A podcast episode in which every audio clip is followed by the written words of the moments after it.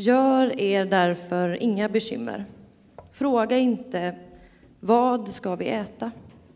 Vad ska vi dricka? Vad ska vi ta på oss? Allt sådant jagar hedningarna efter. Men er himmelske fader vet att ni behöver allt detta. Sök först hans rike och hans rättfärdighet, så ska ni få allt det andra också. Gör er därför inga bekymmer för morgondagen. Den får själv bära sina bekymmer. Var dag har nog av sin egen plåga. Så lyder det heliga evangeliet. Lovad vare du, Kristus. Varsågoda och sitt. Låt oss be tillsammans. Herre, vi ber om uppmärksamhet och öppna hjärtan för det du har att säga till oss idag. Amen. För några år sedan så åkte jag och en ungdomsgrupp iväg för att gå på en sån här, vara med på en sån här äventyrskamp. Det låter kanske mer dramatiskt än det var, va? men det var ju typ ett sånt här ställe där man skulle klättra på klätterväggar, man skulle lära sig samarbetsövningar och så lära sig förmågan till att lita på varandra, ni vet. Sådana typer av övningar. Och sen skulle man gå på linor uppe i träden, ni vet. Man, skulle, man hakades fast och sen skulle man då gå en bana där uppe. Så jag tänkte det här blir ju jättebra, speciellt som jag är lite höjdrädd. Men jag tänkte det här gäller ju bara kötta på, tänkte jag. Och så här va. Så vi åkte dit och på med grejerna. Så klättrade jag upp för den där klätterväggen och jag kände ju, vet ni, jag var halvvägs. Det här, det här är ju inte riktigt bra. Va? Det här funkar ju inte riktigt.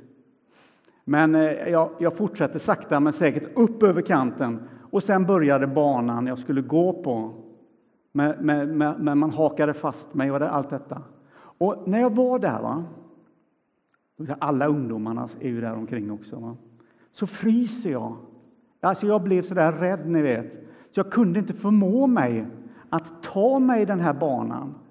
Jag, och trots att det stod en, en vänlig amerikan ja, det har inte med saken att göra, vad han, har för, var han kommer ifrån. På andra sidan och bara sträcker fram handen så här, så vågar jag inte. Jag litade inte riktigt på att det skulle funka, fastän hjärnan sa ju det. Det här, det här är ju, det här är ju, finns ju ingenting som kan hända här. Men jag, jag klarade inte den saken. Jag vågade inte lita på att all utrustning fungerade. Min tillit var inte tillräcklig. Där. Om du skulle sätta dig ner och skriva ditt livs story om tillit, alltså din egen berättelse om vad tilliten har haft för plats i ditt eget liv.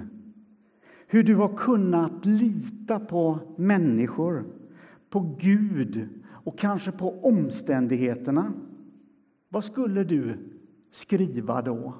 Vad skulle stå i den lilla berättelsen? Vad skulle bli de bärande elementen i din story? För vi är väl några hundra här i kyrkan idag som har helt olika texter om vårt förhållande till tillit. Vi har i olika grad fått arbeta med just det här. Alltså tilliten är så central i en människas liv när det gäller allting. Så det är ju liksom ingen liten bisak. Våra liv, ditt liv och mitt liv, ser ju så olika ut. En del av oss har ju som vuxit upp i familj med trygghet, med fasta och bra relationer där vi har någonstans där den här förmågan till tillit har kunnat gro ganska, i ganska trygg, trygg, eh, trygga omständigheter på något sätt. Medan andra har fått kämpa med tvivlen hela tiden på om marken som, som du står på verkligen bär. Och den där känslan av kan jag lita till den här människan? Vågar jag ge mig till den här situationen? Kommer de här omständigheterna verkligen att vilja mig väl? Jag lyssnar ibland på Thomas Andersson Vi, sångaren. Jag tycker att han är, har väldigt bra låtar och bra texter. Så när jag gjorde den här predikan då kom den här stroferna av en av hans låtar från en platta som heter Stjärnorna i oss, som jag tycker är en av hans bästa. Där, där sjunger han så här. Nu ska jag inte sjunga, så ni behöver inte oroa er. Jag läser. En sak har jag lärt mig. Livet är inte ute efter mig. En sak har jag fattat äntligen. Livet vill mig inget ont. Och det jag inte kan förändra, det kan jag acceptera. Och det jag kan acceptera, det är redan förändrat. Sjunger han. Så kanske känner du igen dig i den där känslan om att inte våga gå högt där uppe på den här linan bland träden även om hela ditt förnuft säger ja men hallå, det finns ju sele, det är karbinhake, du har en snäll amerikan där som väntar på andra sidan. Ändå så får rädslan dig att inte våga. Den får dig att darra. Och evangelietexten idag, som vi utgår ifrån, den handlar ytterst sett om förtröstan. Detta gamla fina ord som jag sällan hör talas om någon annanstans än i kyrkan. Gör er därför inga bekymmer för morgondagen, läser vi. Och det är i sanning en andlig övning i tillit. Att inte bara läsa den. Tänk när den, den eh, verkligheten sjunker ner. Va? Vad händer inte med, med oss då? Men frågan är, vågar vi haka fast oss i Guds omsorg? När vi kommer in i vår text idag så är det i slutet av ett sammanhang där Jesus har resonerat om vårt förhållande till det jordiska, till det materiella, till det som utgör vår vardag, det vardagliga. Och han tar upp detta därför att det är just där som våra bekymmer växer till. Och vi vet väl allihopa hur lätt våra bekymmer sätter sig i våra kroppar. Hur det sätter sig, vår oro sätter sig i axlar. I den där huvudvärken som mal på. I det där knytet i magen. Och som man ibland upptäcker, vad gör jag vaken klockan tre på natten och, och rullar runt problem? Varför vaknar jag klockan tre i varje timmen och snurrar den här ältande Skivan. Du kanske känner igen dig i det. I texten som vi läser så utmanar Jesus sina åhörare i den svåraste konsten av alla, att lämna över att förtrösta, släppa taget. Och det är nästa sak. Det är ju det här som jag, om du är som jag, jag har en förmåga att ta tillbaka saker jag har lämnat över. Vad i hela världen? Om Jesus har sagt att ja, jag tar det, vad ska jag där och plocka tillbaka, lägga ner det i min ryggsäck igen och så ska jag börja gå med det igen? Sån är jag. Men släppa taget, förtrösta. Gör er därför inga bekymmer för morgondagen, läser vi. Och frågan till dig och till mig idag är Vågar vi sätta fast vår karbinhake i Guds omsorg och släppa taget? Eller har du formulerat eller formerat hela ditt liv kring din egen kapacitet, Dina egna inre resurser. Har du formerat ditt liv kring din, ditt, e, ditt eget, eh, dina egna pengar, din materiella trygghet? Har du formerat ditt liv kring din agenda? Får Gud rum där? Och den ganska raka frågan Behöver du Gud i ditt liv? Och när vi läser texten här om bekymmers, att vara bekymmerslös skulle man nästan kunna säga att Jesus talar om en slags, ett lätt förhållande till det. Så det är klart att han inte menar att vi ska bara vara så här överandliga så att vi bara åker iväg och sätter oss i Slottsskogen och bara väntar och väntar på att det ska komma manna från himlen. Att vi blir på det viset. Det är ju inte så va? som det är tänkt. Det är klart att vi ska ta ansvar för våra liv.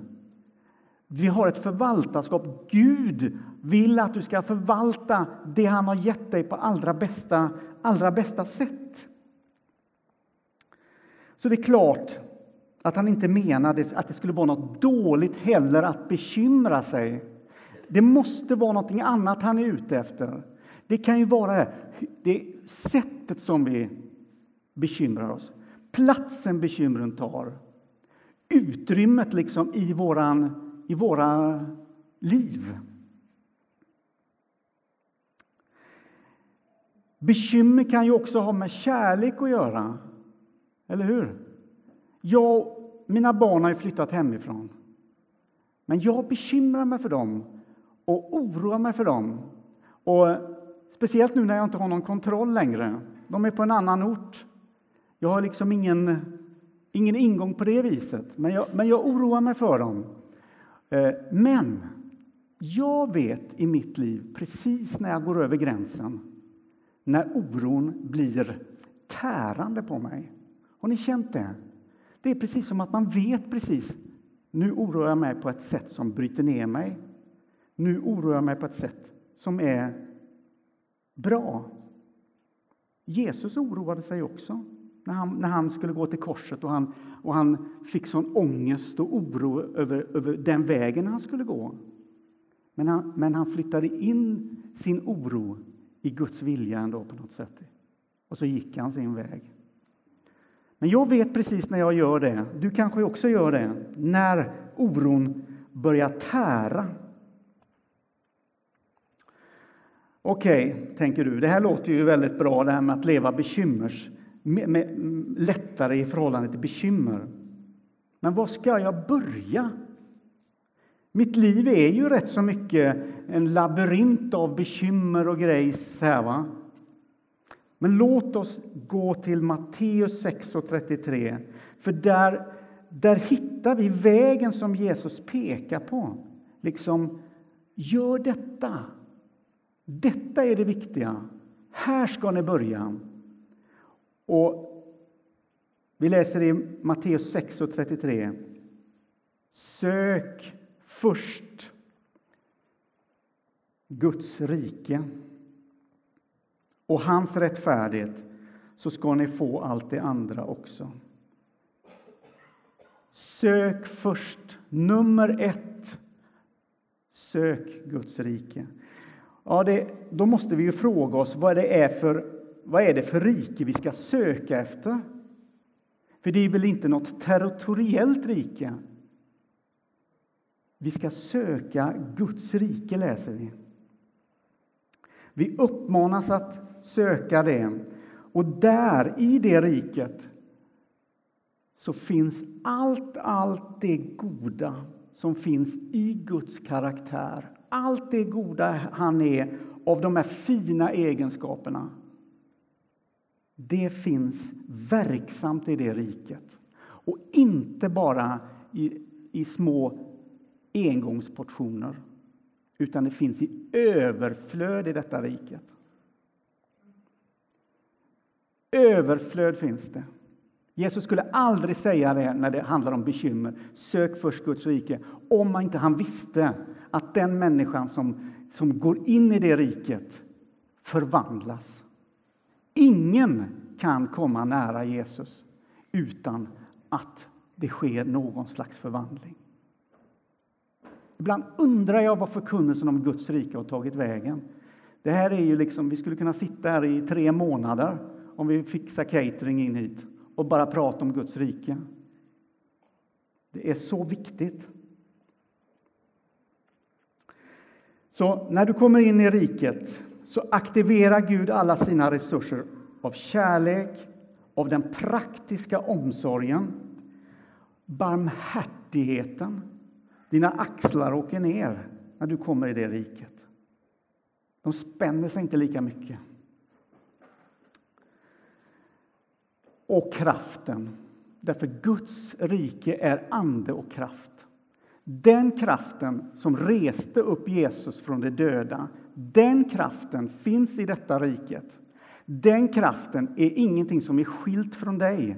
Den är, den är nära där, i riket. Så när Guds kraft är, i, är i rörelse så är också nästa sak det är att förändringen är inte långt borta. Förvandlingen är inte långt borta. Omständigheter som har, förlåt mig att jag säger det förut, har skitit sig, får man säga så? När livet har liksom, det, det finns en potential för förändring. Ingenting är omöjligt för Gud, läser vi i Bibeln. Ingenting är omöjligt för Gud. Det vågar man nästan inte ta in, för det är ju så ett sånt jättestatement. Men också när du närmar dig Jesus, när du närmar dig riket så förändras ditt seende på världen. Vi börjar få Guds blick på våra omständigheter. Det som är smått, det får vara smått. Det som är stort, det får vara stort. Vi börjar lära oss att inte mixa de här. Därför att det finns ett, en balans i det riket som också blir din balans när du kommer in i det. Och vi får börja den här resan in mot vilan, in mot förtröstan.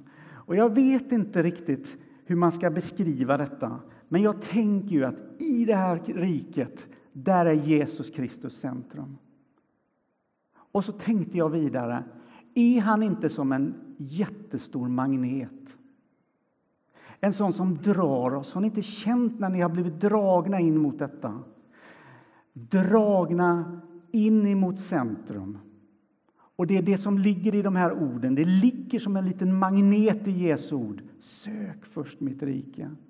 Och sen får vi liksom dras in mot centrum.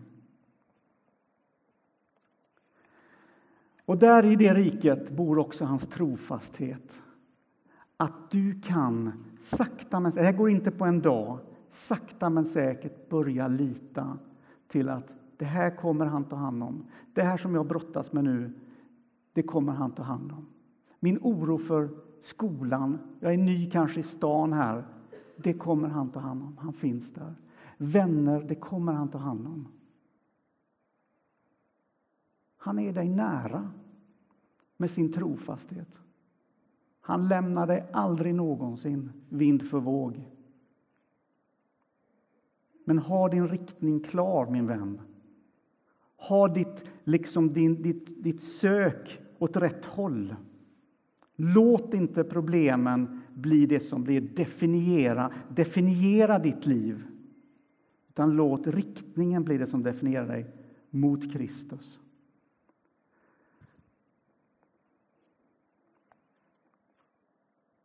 Amen.